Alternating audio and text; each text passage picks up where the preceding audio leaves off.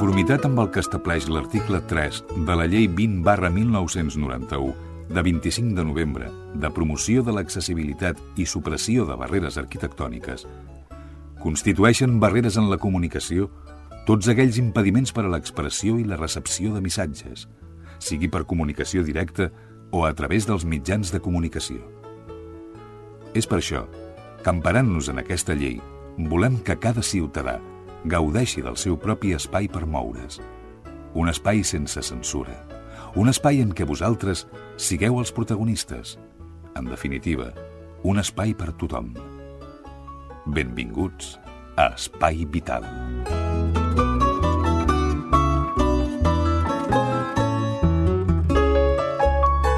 Senyores, senyors, què tal? Com estan? Benvinguts un dia més, un programa més, ja el coneixen, l'Espai Vital, 50 minuts per endavant per parlar de discapacitat i malaltia crònica. Com sempre, i per deferència, eh, us direm que tenim a l'estudi ja eh, avui quatre noies, entre elles la nostra cuinera, la Teresa Diviu, a la que saludem, com sempre, la primera a la que saludem. Teresa, bon dia. Bon dia a tothom. Què, com estàs? Com sempre. Com sempre, vol Com dir. una cabra, em sembla. I què faràs avui per jalar? Mira, com que ara som que fa ja calor i a vegades s'ha de preparar el menjar d'un dia per altre, un pastel de patata fred, i així se'n fa bastant i se'n té pel migdia i al vespre. Fresquet, fresquet, per posar a la, a la, la nevera, nevera, a la sí. nevera, no al microones. Després No, ho diré el per què, per què dic això. Eh?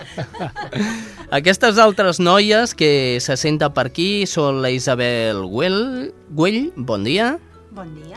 a la Susana Gallegos, buenos días, Buenos días. a Victoria Santos, buenos días. Buenos días. Elles són components de l'Associació de Fibromialgia i Fatiga Crònica de, de Ripollet i ens acompanyen perquè el proper, no el proper, el passat, el passat 12 d'aquest mes, és a dir, mm, el dimarts 12, Ahir, es, ahir. ahir, bueno, sí, es va celebrar uh, la diada commemorativa de, uh, el 12 el 12 de maig, que va ser la diada de la fibromialgia i la fatiga crònica, i aquí es va, ho van commemorar, aquesta eh, associació de Ripollet ho van commemorar, ho van... Diuen que mal dit celebrar, no és celebrar, és commemorar. Bé, doncs ho van commemorar i s'ho van passar molt bé, tot i que no ho van celebrar, eh, que ho sàpiguen.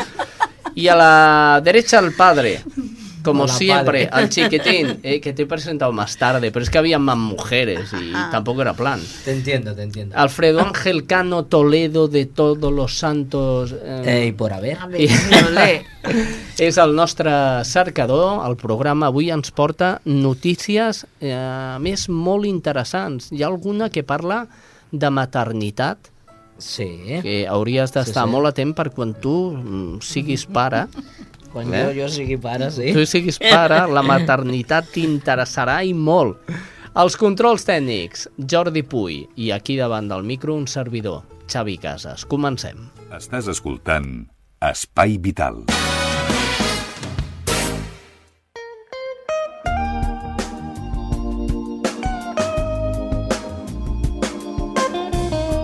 Isabel, Susana, Victoria, hemos empezado ya. Ya está, ya, ya está todo clarísimo, está clarísimo.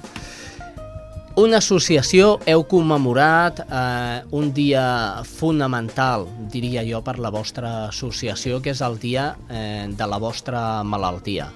Les tres patiu la malaltia, sou fi, eh, teniu fibromialgia Y síndrome de fatiga crónica. i fatiga también. crònica. Cada una mm, fibromialgia i Fibromialgia. fatiga crònica per tots o cada una? Dues. Dues. Dues amb Susana fibromialgia i Susana y Isabel. Amb- Isabel y Victoria, fibromialgia. Y Ajá. Susana, las dos cosas. No, no, jo també tinc les dues coses. Sí. Tot aquí, bé, és igual. No, Les tres, les tres tenen, que- tenen això. Si no en té una, té l'altra. Son enfermedades que que, Què, què? que muchos médicos consideran que es una misma enfermedad Hmm. en diferentes etapas. Pero eso no es así. Pero no es así. No es así. Porque No si, si, si tú vas a la seguridad social diciendo que tienes fatiga crónica, ¿vale? Eh, puedes cobrar un dinero. Entro por eso. Y si dice que tiene fibromialgia, pues yo no he visto a nadie que le den un dinerito por tener fibromialgia. Se empieza ya. Se empieza, o, o al eh, reconocida sí que està ahora, l'han reconocido. Però des de la Seguretat Social, voleu dir, que està reconeguda... Mm, Eh, cuesta, hay que acabar en los tribunales, sí, pero se consigue. I coneixeu algú que cobri per, per fibromialgia? Poca gente, pero sí hay algún caso. Poquitos. Es más fácil lo que tú dices, la fatiga, con síndrome de fatiga crónica. Ahà. Molt bé, però jo, jo gent amb fatiga crònica mm, sí que he vist que han cobrat uns diners perquè no poden treballar, perquè la fatiga crònica és, és, és important. Vull dir, senyors, no pensin vostès que fatiga crònica vol dir que són persones que no poden treballar perquè es cansen, eh, són muperrites. No, perquè es cansen però d'una manera eh, molt intensa i que només aquestes persones saben com és. Y como la fibromialgia, eh, si no tienes 18 puntitos en el cuerpo que apretándolos duela, ja no tens fibromialgia. Però qui diu que tens o no tens aquests punts que fan mal? Pues ho diu la mateixa malalta. No es pot enganyar, no? Sí, es Sí? pot enganyar, evidentment. Sí. Isabel, jo puc anar al metge i dir ai, m'apreta, ai, que daño, ai, que daño, que daño, que daño. Sí, tu... Pero bueno, Em, hay- em, di, em diuen que t'apropis al micro, que si no no se te sent. A veure, perdó. Um, no és que es pugui enganyar. Mm. El que passa que tu vas i tens que confiar en que el professional realment sap el que està fent.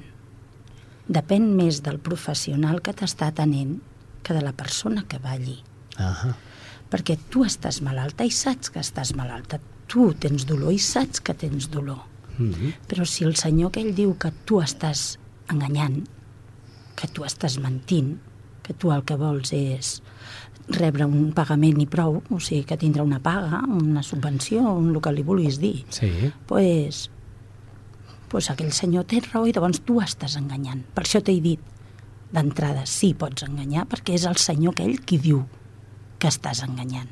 Però jo, jo, jo, jo puc anar al metge eh, a prendre'm els 18 mm. punts Sí, i quan m'apreti aquí dir-li oi, ah, ah, exactament. però només amb aquests punts, amb no? aquests punts, però aquí està la, el que estiguin preparats, Mm -hmm. els metges. También hay otra serie de síntomas, I aparte de tant, los puntos, i tant. que Sí. debe de saber el profesional para poder... Per això, de, Quins són, quins són aquests símptomes que vosaltres noteu? a veure, eh, hi ha un colon irritat, hi ha... Va, Per entendre'ns tot, cagarrines. Sí. Eh, O- bueno, o- o, o o, estrenyiment. restrenyiment. O restrenyiment. Evidentment, no vas regularment. Molt o sigui, bé. tens... Mm, tan aviat vas d'una manera com vas d'una altra. Flatulencias. Flatulències. Dolors Sí. abdominals. Pets. Tots els que sent... Pets. Sí, sí, sí. sí, Bé. sí, sí. Ah, però jo tinc pets i no Sí. tinc això, però... Jo No, tampoc, no, no. eh? Quedarà un pèl escatològic, això. Sí. Són uns símptomes... Sí. Perdó, són uns símptomes que tothom Mhm. diu, ah, doncs jo també. Clar, a mi també em passa. Clar, evidentment. Però clar, no és comparable en la medida que ens passa a nosaltres a una persona normal. Mhm. És un abisme. Teniu hores del dia que us trobeu pitjor i No. hores que esteu millor? A veure, el, el de matí acostuma a ser dur mm, despertar-te, llevar-te i començar-te a moure. Això li passa al 80% dels espanyols. Sí, sí, per això... Per això per començar. Doncs, eh, per això t'estic dient de que, veus, som un, un col·lectiu tan gran que per això no se'ns fa cas. És veritat, no? Qualsevol espanyol s'aixeca sí, cansat sí. Sobretot els i de mala llet. No, però No? hi ha una rigidesa corporal, Veus? Sí. Veus com hi ha altres coses? les mans Ah. tancades... Ah, vale, vale, vale, vale, vale. Sem sembla, Sí. sembla El cuerpo mentida. está acartonado. acartonado. Es decir, cuesta si moverse. Cuesta mucho moverte, efectivamente. Cuesta mucho inco- incorporarte de la cama y cuesta mucho empezar a caminar y, y- y cuesta muchísimo una hora. Ajá. Una hora para que tu cuerpo pueda empezar a coger un ritmo.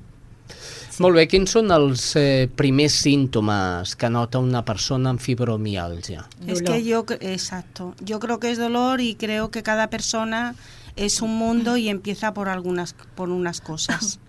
¿Cómo es el dolor? Comparable a... Eh, parlo jo? Un estat gripal. A l'estat de la fibro... a- Quan un sent... Va explicar al metge i el primer que li dius és em trobo tan malament Mm. mm, és un estat com quan tens la grip però en el moment àlgid que estàs que tot et fa mal tot, absolutament tot Sí. et poses al llit però et continues trobant malament Mhm. fins que els antibiòtics o el que t'hagin donat eh, doncs comença a fer l'efecte però amb nosaltres per molt que ens donguin no hi ha una resposta Llavors és quan aquí comença a trontollar el que li passa, no? Mm, Una mica és això, és un estat gripal molt fort en el qual cada moviment que un realitza doncs li costa, li costa moltíssim i està dolorit, completament dolorit. En quant a detecció precoç d'aquesta malaltia, mm, hi ha alguna manera costa la detecció precoç? Cuesta muchísimo. Das- das- ¿Cómo detectarlo eh, precozmente, esta enfermedad? Es decir, creo que tengo, creo que tengo, el creo que tengo... Precozmente seguramente ya han pasado unos años que lo, lo estás sufriendo. Porque seguramente empiezas con un dolor en la zona lumbar, te hacen una serie de pruebas, no hay nada. Ese dolor se mueve hacia el hombro, pruebas en el hombro, no tienes nada. Eso va corriendo, corriendo, corriendo ese dolor hasta que se instala por todo el cuerpo. Y ahí es cuando empieza, digamos, la enfermedad a desarrollarse. Y entonces es cuando tú vas al médico, me duele todo. Pues sí, pero te hemos hecho todas las pruebas analíticas, tags, radiografías, no hay nada. Y entonces es cuando ahora, si te toca un médico que conoce y Ara. cree en la enfermedad, Ara, entonces se para y dice, cuidado, a ver si estamos ante un caso de fibromialgia. La Isabel, la Isabel eh, a- sentia diciendo ara, ara. Això vol dir que no tots els metges eh, són bons per detectar la malaltia o no volen creure en aquesta malaltia. mm, no volen creure. Tu lo has dicho. Alguns no. Alguns no. Alguns. Per sort, cada vegada són més els que sí accepten que hi ha un col·lectiu de persones que no s'inventen això, que no és possible perquè són diferents edats, diferents estatus socials. Hi ha des de nens, avui en dia ja n'hi ha nens, aquí a Ripollet tenim el cas d'una nena i Con fatiga crónica. Fatiga crònica, sí. sí, Fibromialgia no, fibromialgia en niños no. No, no. no, Fatiga. Fatiga crònica. És que parlem de... Clar, com que... Anem parlant de tot, anem parlant de tot, companyes- anem saltant. No, exacte, però com Ja que eh, patim fibromialgia i fatiga crònica, doncs no, no, no acabem de...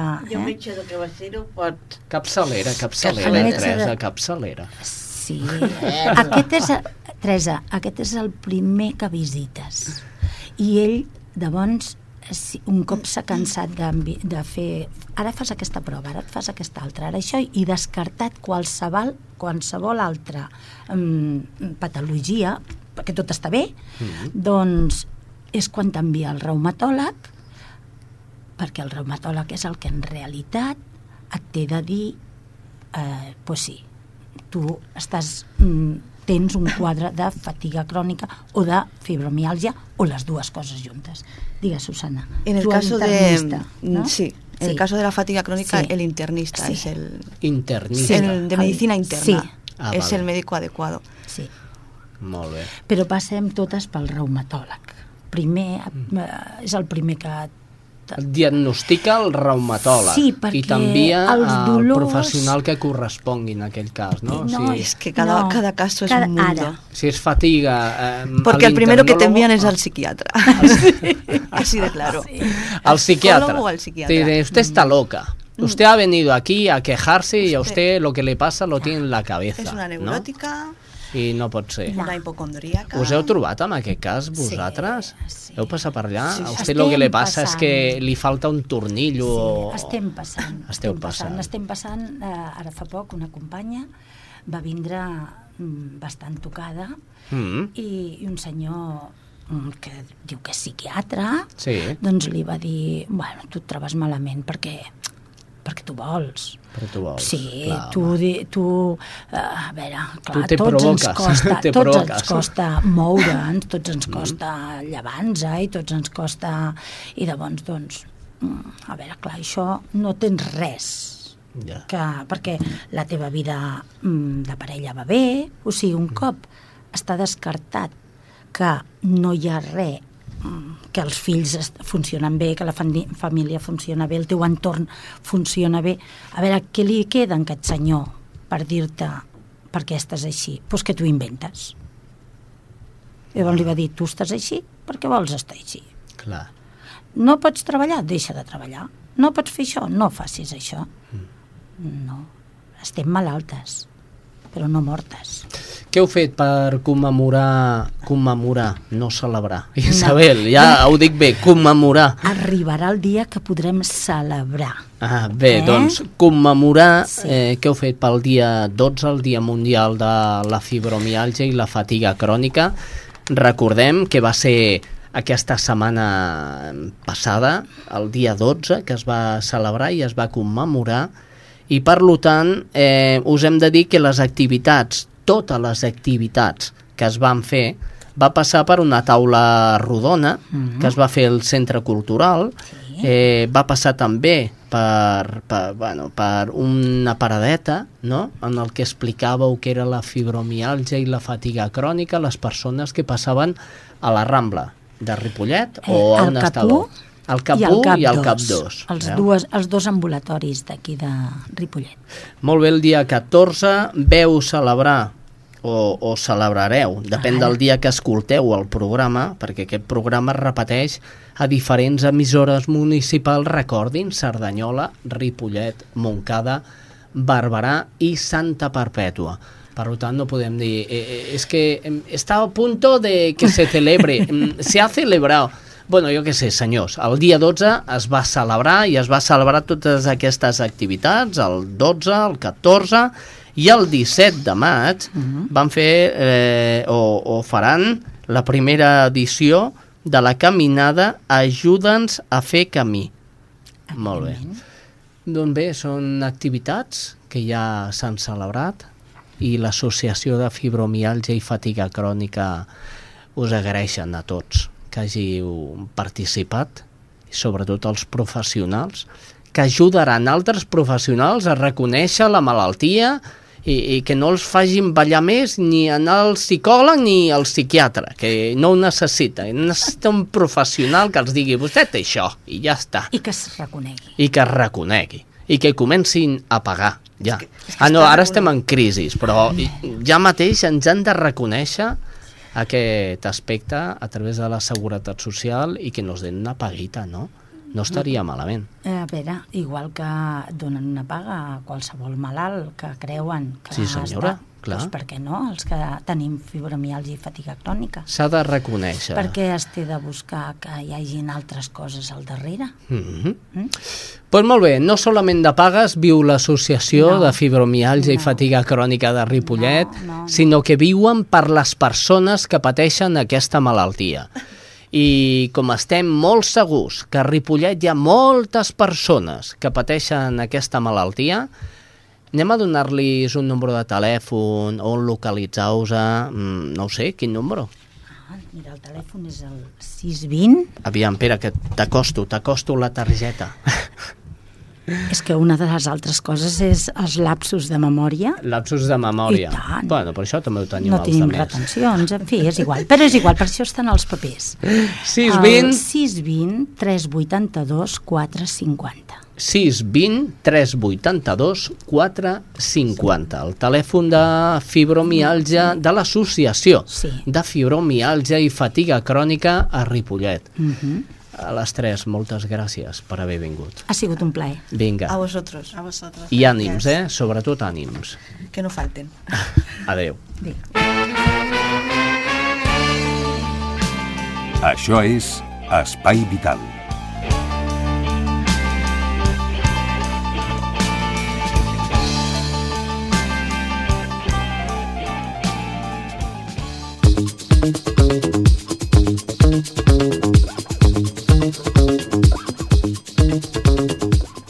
I amb aquesta sintonia el que volem és ràpidament conèixer com estan les diferents poblacions que coprodueixen l'espai vital. Sempre començàvem amb Cerdanyola, ens han dit que no tenien res, no tenien informació sanitària a Cerdanyola i, per tant, anem corrent cap a Ripollet. Allà es troba la Laia Prats, d'Informatius. Ella sí té notícia, escolteu-la. Hola, Xavi. Avui des de Ripollet t'expliquem que amb motiu de la celebració, el dia 12 de maig del Dia Internacional de la Fibromialgia i Síndrome de Fatiga Crònica, l'Associació de Ripollet que dona suport als afectats per aquesta malaltia ha organitzat una sèrie d'actes amb el suport de les regidories de Medi Ambient, Salut Pública, Serveis Socials i Cultura de l'Ajuntament de Ripollet i amb la col·laboració de Càritas Parroquial. Xerrades, tallers i punts d'informació han constituït el programa d'activitats que s'estan desenvolupant durant aquesta setmana. El passat dia 11 va tenir lloc al Centre Cultural una ponència sobre la fibromiàlgia. El dia 12 els membres de l'associació van informar a les persones interessades sobre la malaltia als CAPs 1 i 2. A més, el proper dia 14 tindrà lloc un taller de relaxació a la Biblioteca Municipal i finalment el 17 de maig s'organitzarà una caminada amb el lema Ajuda'ns a fer camí. I això és tot fins la setmana vinent. Fins la setmana vinent, Laia, gràcies. Anem a Montcada. La Sílvia Díaz, com sempre, dels serveis informatius de Montcada, ens en fa 5 cèntims. Hola, salutacions des de Montcada. Avui recuperem la campanya de denúncia del mal estat de la sanitat local de la Federació d'Associacions de Veïns de Montcada i Reixac de la FAMIR. Recentment, el col·lectiu ha lliurat al registre de l'Ajuntament i el de l'Institut Català de la Salut més de 5.000 signatures ciutadanes recollides entre febrer i abril i ha anunciat mobilitzacions per després de l'estiu si no obté un compromís ferm de la Generalitat de millora de l'atenció sanitària. Aquesta campanya reivindicativa compta amb el suport de la Coordinadora per a la Sanitat Pública, on Montcada està representada, i de la Confederació d'Associacions de Veïns de Catalunya. Algunes de les denúncies són que el servei de traumatologia és insuficient, que no hi ha ginecologia a cap dels dos ambulatoris, que la pediatria no pot atendre tots els infants i menys els casos urgents. El col·lectiu també critica que el Centre Mèdic Municipal de Can Sant Joan tanqui portes a l'agost o que al Centre de les Indianes, al Pla d'Encoll, no hi hagi urgències a partir de les 8 del vespre.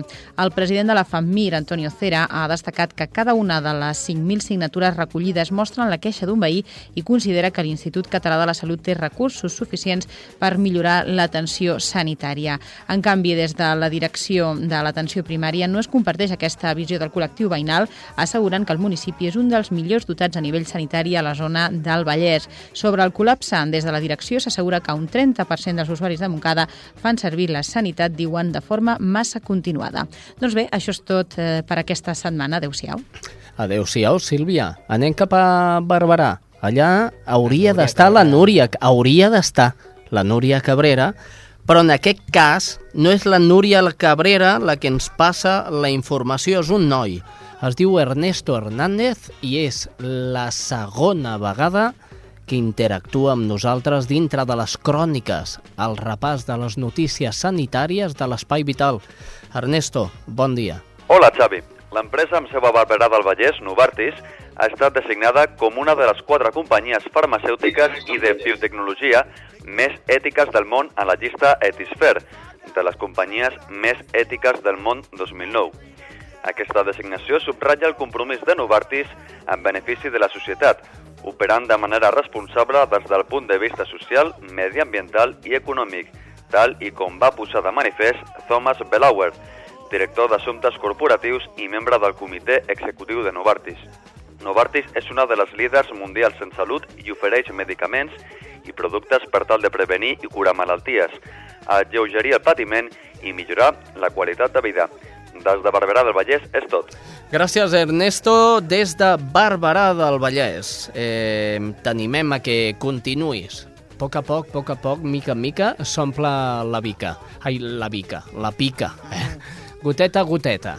Molt bé, eh, l'última de les emissores municipals que ens acosten la informació sanitària és Santa Perpètua de la Moguda.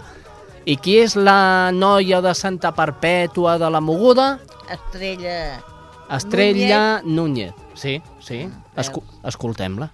Hola, Xavi. Hola, amics i amigues de l'Espai Vital. L'entitat Espiral, una associació de famílies d'infants amb trastorn general del desenvolupament i espectre autista que engloba a famílies del Vallès i el president de la qual, David Vargas, és veí de Santa Perpètua, posa en marxa aquesta mateixa setmana un espai familiar de suport a la nostra localitat. Es tracta de dos espais, de dos espais, volem dir, un espai de joc, comunicació, socialització i aprenentatge per infants i joves amb necessitats educatives especials i l'altre, un espai d'intercanvi i suport per a les seves famílies. Aquests eh, espais es posen en marxa aquest dissabte, 16 de maig, i es duran a terme tots els tercers dissabtes de mes. L'activitat es realitzarà al Centre Cívic La Florida entre les 5 i les 7 de la tarda.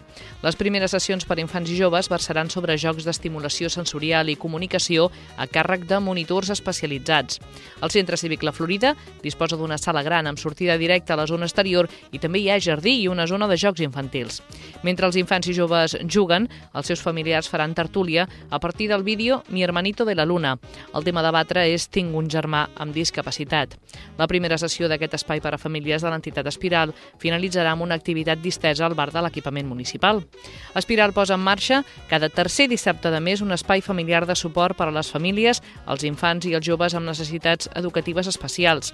Aquest espai, que es desenvoluparà al Centre Cívic La Florida de Santa Perpètua, s'inaugura aquest dissabte 16 de maig. Des de Santa Perpètua, això és tot. Fins la setmana vinent, Xavi. Adeu.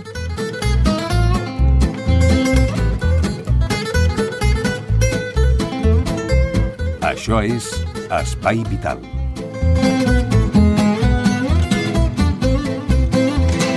Ja ho heu dit que ja ho heu sentit des de Cerdanyola, Ripollet, Montcada, Barberà i Santa Perpètua. La coproducció perfecta per un producte perfecte, l'espai vital.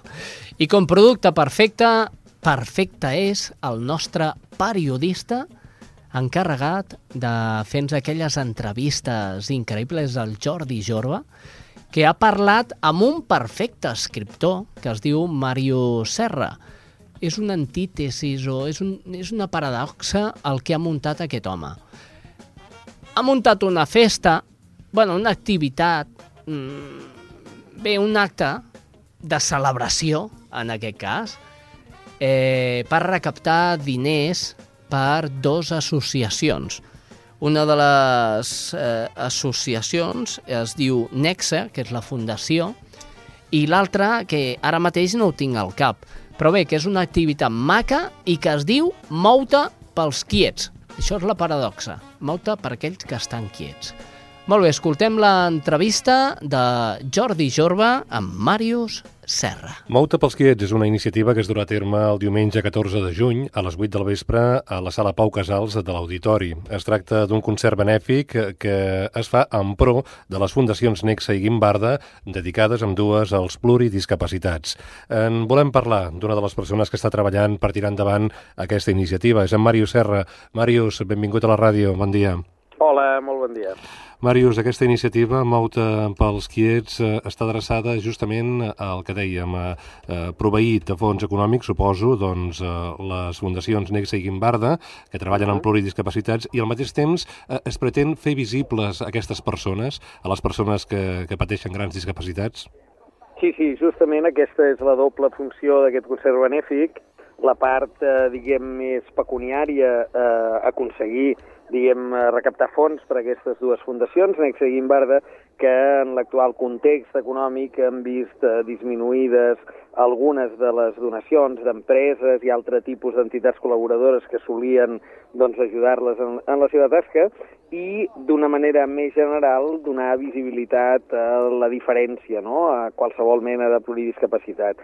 Perquè de fet el Molta pels quiets no serà pas cap acte reivindicatiu de res, sinó que serà bàsicament posar amb naturalitat i amb normalitat damunt de l'escenari a un seguit d'artistes d'àmbits molt diferents, des del tricicle al Pau Riba, des de la Nina als gossos, eh, des dels Pets, el Joan Miquel Oliver, eh, l'Albert Tom, el Queco Novell, un seguit de gent, alguns que llegiran fragments del, del llibre Quiet i d'altres que faran una actuació per donar visibilitat també des d'una òptica normal, des d'una òptica natural, a la gent que, com en aquest cas el meu fill i d'altres pluridiscapacitats que assisteixen a aquestes fundacions diàriament, doncs tenen, eh, diguem, un paper més més aviat amagat dins de la societat. No? Justament eh, llegirem fragments del llibre Quiet, que és el llibre que en Màrius dedica al seu fill, al Llullo.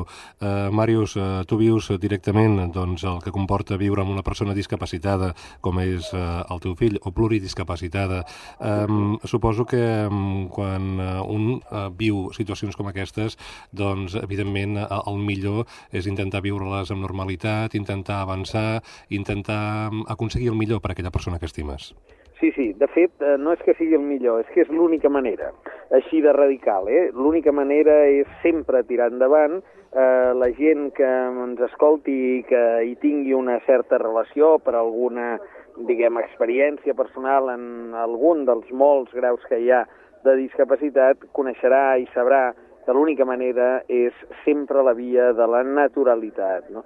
Eh, és eh, absolutament eh, contraproduent i absurd eh, entrar en dinàmiques destructives, lacrimògenes, igual com és absolutament absurd també pretendre eh, amagar eh, les coses que no funcionen, no? en general la vida i en particular en, en la manera de funcionar les persones. De manera que la naturalitat acaba esdevenint l'únic camí. I el que fem justament amb el Molta pels quiets és fer èmfasi en aquesta naturalitat.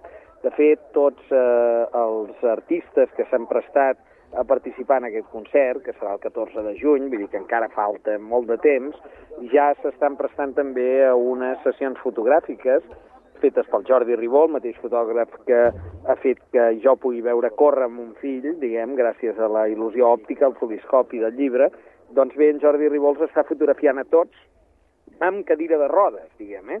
que és una, diguem, sol·licitud una mica difícil de, d'encaixar de vegades perquè sovint l'associem doncs, a una decrepitud o, o a una malaltia o un problema i la gran sorpresa, la grata sorpresa, és que tots aquests noms, alguns dels quals ja he dit, i altres com el Quimi Portet o els Gospel Viu o l'Elisabet Raspall o tanta altra gent, no només s'hi està prestant, sinó que ho està fent d'una manera entusiasta. Vol dir que aquest concert de l'auditori també deixarà tot un seguit d'imatges que em penso que poden ajudar per eh, eh, visibilitzar més i per trencar unes certes barreres mentals envers la discapacitat. No? Hem de dir que Mario Serra manté un blog dedicat a aquesta activitat, el Mouta pels Quiets, i ja han pogut veure la gent del tricicle fotografiada doncs, amb aquesta cadira de, de rodes. A més, en Màrius, eh, que és un home dedicat a l'enigmística i treballa amb les paraules i amb els jocs fets amb paraules, ens ha plantejat una colla de reptes eh, perquè descobrim a poc a poc doncs, quins artistes hi actuaran. Ell ens ha dit molts noms, però vaja, una mica el joc, o el que tu fas habitualment, Màrius, eh, el tema del joc en paraules paraules també és present en aquesta iniciativa. Sí, absolutament. Diguem, jo penso que en el cas de la discapacitat i en totes les qüestions, en tots els ordres de la vida, el que és més important és aconseguir fer-ne relat. És a dir, sempre tenim molta més por d'allò que és desconegut, i allò que és desconegut és allò que no som capaços de dibuixar, de, de definir, de parlar-ne, en definitiva, no? eh, la verbalització, ja sigui per escrit, en el cas, eh, clar, la meva activitat és la d'un escriptor i per tant jo em dedico a escriure, però també des de la oralitat és la que molt sovint permet eh, superar eh, els traumes que provoquen cert tipus de situacions, no? Les, els atzucacs als quals ens aboquen certes eh, situacions, diguem, doloroses, no? En aquest sentit, el joc verbal, a través d'aquest blog que ara divulgaves, el moutapelsquiets.blogspot.com, és l'estratègia de comunicació que jo estic establint per començar a donar a conèixer eh, tots els secrets que n'hi ha i, i alguns que, que, que tenim al tinter, evidentment, fins al final, eh, que participaran en aquesta gran festa, en aquest concert benèfic del 14 de juny. I quan falti un mes, el 14 de maig, doncs ho farem més evident i evident a tothom eh, eh, ja revelant tots els secrets del de, cartell dels participants en aquest eh, concert del Molta pels Quiets. En tot cas, que sempre quedi algun secret, perquè ja anem tots aquell dia. Eh? Suposo que a poc a poc es van aconseguint eh, suports i nosaltres hem pogut consultar diverses vegades el blog i, i veiem que les entrades, els comentaris que deixa la gent, eh, també pel Facebook, doncs són bones i, i s'intueix que aquell dia hi haurà, hi haurà un ple. Eh, Màrius, tu com a promotor d'aquesta iniciativa, amb altra gent, doncs eh, eh trobes que realment eh, eh, la gent quan la coneix. Deies que el món de l'espectacle doncs, està abocant també gent del món de la fotografia, gent del món del disseny, però la societat en general, eh, això que promoveu, doncs està sent un revulsiu que fa que se'n parli d'aquestes fundacions, d'aquestes persones?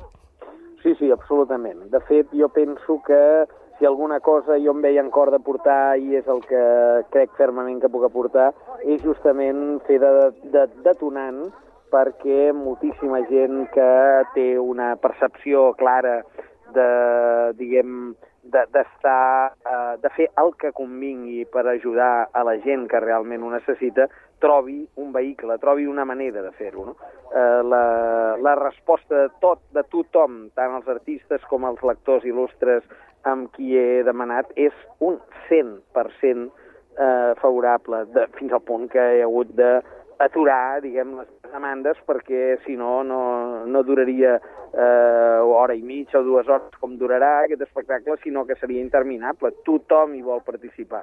Això sembla molt positiu mm, i crec que més enllà, diguem, de l'objectiu concret d'ajudar aquestes dues fundacions, el concert eh, obtindrà també, diguem, una obertura mental, una obertura de comunicació per molts altres àmbits de la discapacitat i això, això sol ja seria un gran què. Eh? De manera que hem d'intentar que realment s'acabi omplint el, eh, la sala gran, la sala Pau Casals de l'Auditori el dia 14 de juny. Les entrades ja són accessibles a través del teleentrada, a través d'aquest blog que hem anunciat s'hi pot trobar la manera d'accedir-hi i espero que ens hi trobem tots plegats allà el 14 de juny.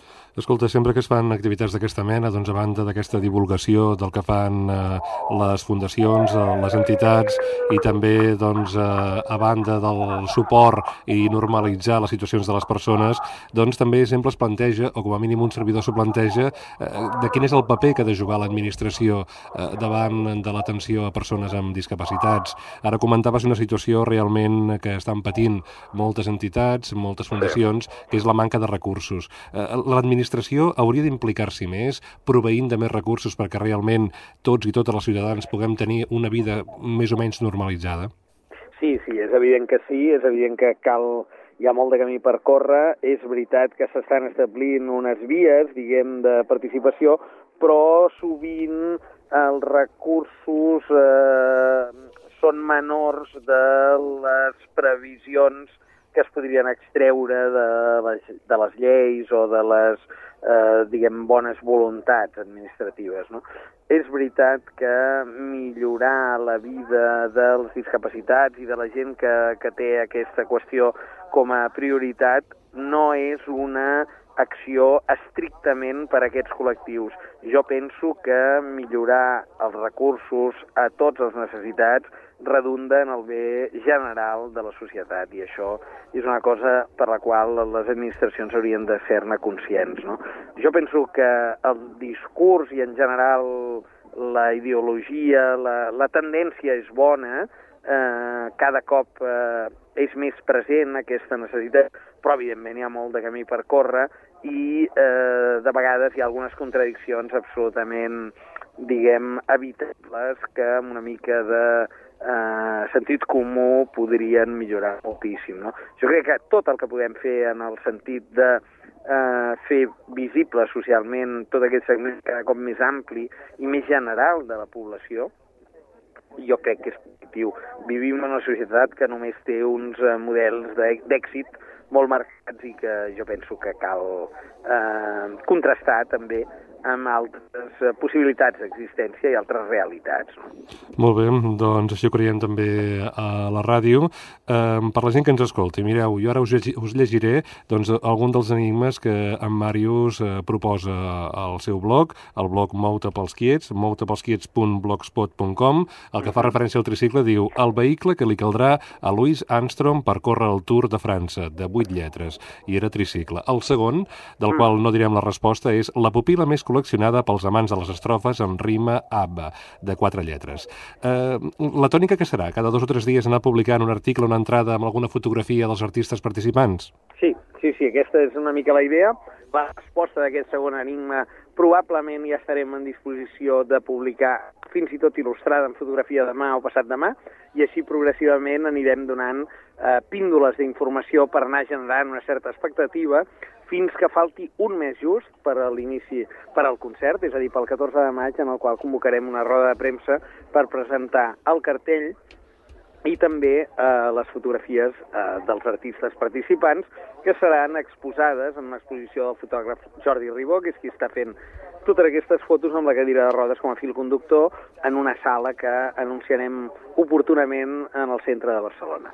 Molt bé, doncs ja ho sabeu, deia ara mateix en Màrius, el diumenge 14 de juny a les 8 del vespre i a la sala Pau Casals de l'Auditori es farà el concert benèfic Mouta pels quiets en pro de les fundacions Nexa i Guimbarda dedicades als pluridiscapacitats. Màrius Serra, des de la ràdio, restem a la vostra disposició pel que hagueu de menester i aquí ens trobareu per si cal encara doncs, promocionar encara més aquest festival. Recordeu també que les entrades ja són a la venda a la teleentrada, al 902 10 12 12 i també al blog moutapelsquiets.blogspot.com trobareu doncs, com accedir-hi eh, per enllaç per comprar les entrades. Màrius, ens queda alguna cosa a comentar? No, moltíssimes gràcies pel vostre suport i, i endavant les atxes. Molt bé, doncs així sigui. Gràcies, Màrio, i molta sort. A reveure, bon dia. Adéu-siau. Saps, filla, m'he trobat a la Montserrat. Fa temps que té anèmia i amb no res es cansa. Li he dit que si era celíaca, com jo... Ai, quines coses tens, mare! Una de cada 100 persones a Catalunya és celíaca i no ho sap. Si creus que pot ser celíac, truca'ns. 902 235 422. 902 235 422. És un consell de l'Associació de Celíacs de Catalunya.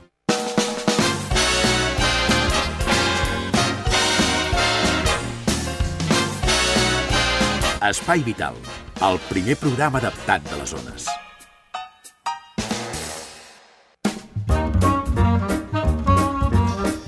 El Parlament Europeu no aconsegueix cap acord per ampliar la baixa de maternitat i la de paternitat, l'han ampliat. Vull dir, perquè un està en sus quehaceres i a lo millor potser me l'amplien, no? Eh? Potser sí. Oi que sí? Ja coneixeu la sintonia. Eh, Més que res que m'ha sorprès.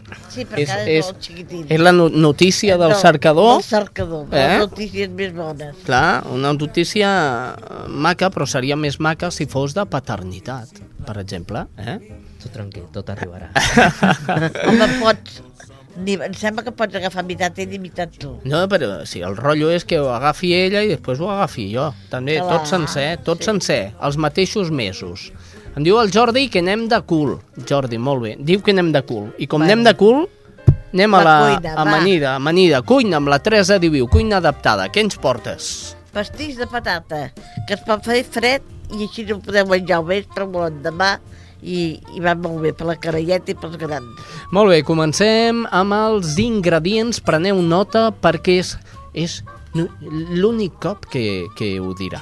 Ingredients, va, a poc a poc. Mira, dos quilos de patata per si quatre persones, dos quilos, si són menys, doncs un quilo allò, vosaltres mateixos, Sí, per la gana que tingueu. per la gana que tingueu. Dues llaunes d'atún. De tonyina. De tonyina. Si són més colla, doncs hasta tres també poden cabre. Mhm. Quatre ous durs. Bé. Maionesa. Si no la feu vosaltres, doncs m'hi compreu un pot d'aquells que ja han fet, que n'hi ha de bastant bons. Molt bé.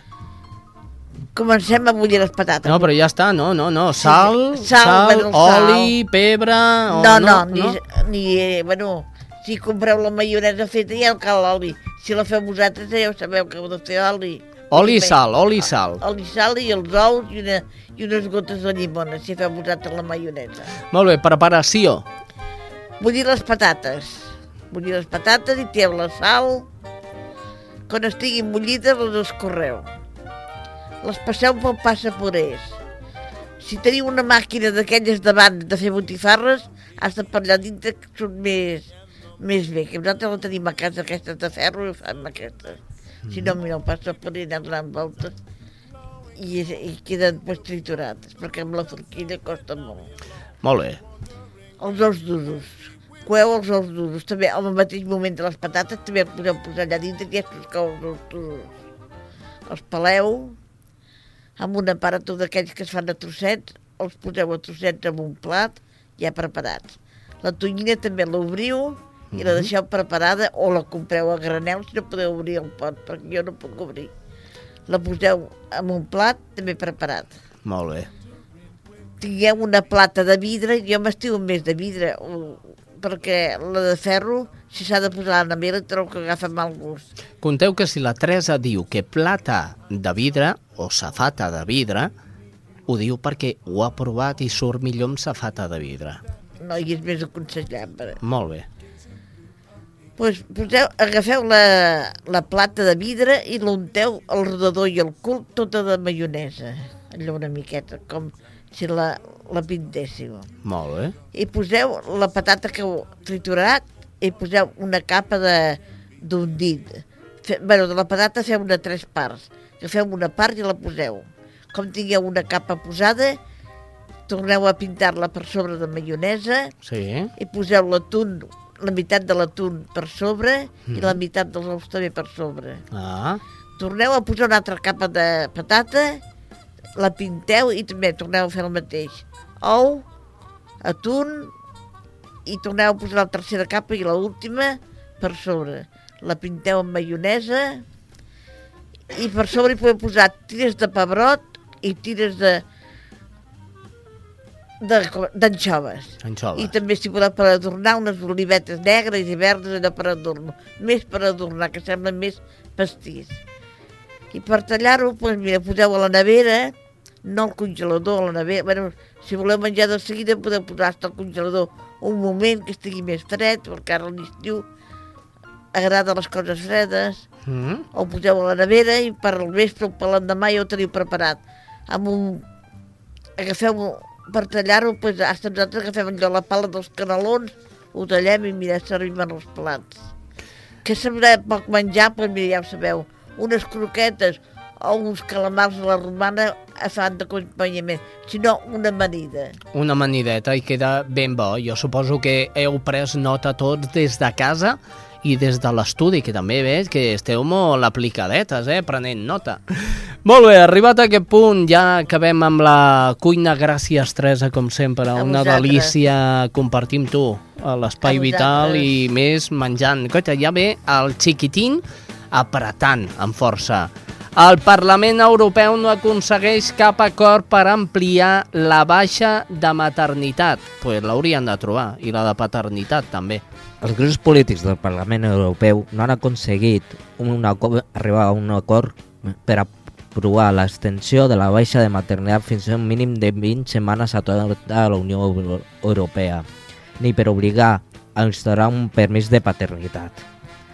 Amb el suport de la majoria del grup popular i liberal, el ple de l'Eurocambra ha decidit retornar l'assumpte a la comissió parlamentària en considerar que el text no és suficientment clar i en què moltes de les esmenes presentades són contradictòries.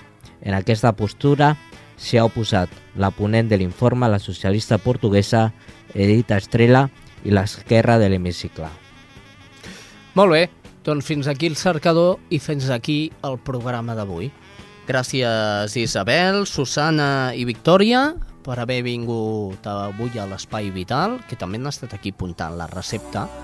Gràcies Teresa Diví, un dia A més. vosaltres. I a tu, xiquitín, gràcies. Gràcies a tu, Xavi. Mira aviam si a través de la plana web les 3 www.radio-espai-vital.blogspot.com podeu trobar alguna notícia relacionada amb la paternitat, que també ens toca. Gràcies al nostre tècnic, el Jordi, i qui els ha parlat, Xavi Casas.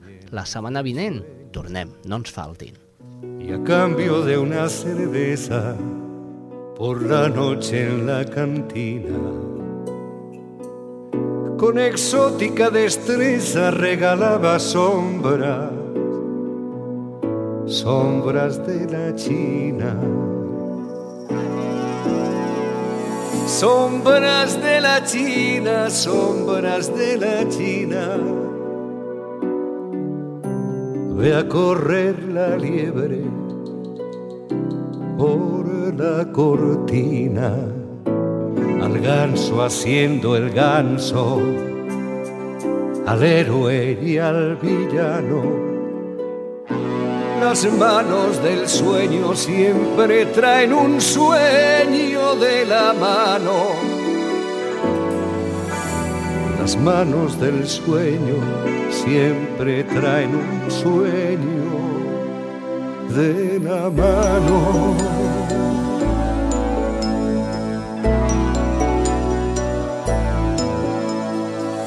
El amor vino en abril, recitando viejas coplas, las manos llenas de besos, los besos llenos de sombra, y con las primeras nieves se escapó entre bambalinas dibujando en las paredes sombras y más sombras, sombras de la China. Sombras de la China, sombras de la China. Ve a Pierro llorando por Colombina, al lobo de la estepa aullar al cielo en vano. Las manos del sueño siempre traen un sueño de la mano.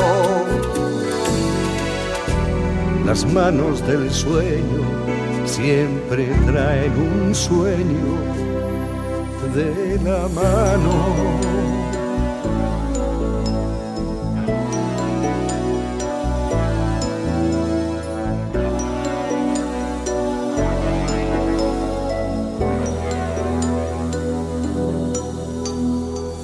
La vida vino del sur y se me llevó con ella las manos llenas de sombra, las sombras llenas de estrellas.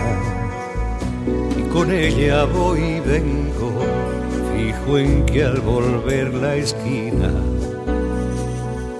lo que soy, lo que tengo, solo serán sombras sombras de la China. Sombras de la China, sombras de la China. Voy a correr la liebre por la cortina, al ganso haciendo el ganso, al héroe y al villano las manos del sueño siempre traen un sueño de la mano. Las manos del sueño siempre traen un sueño de la mano.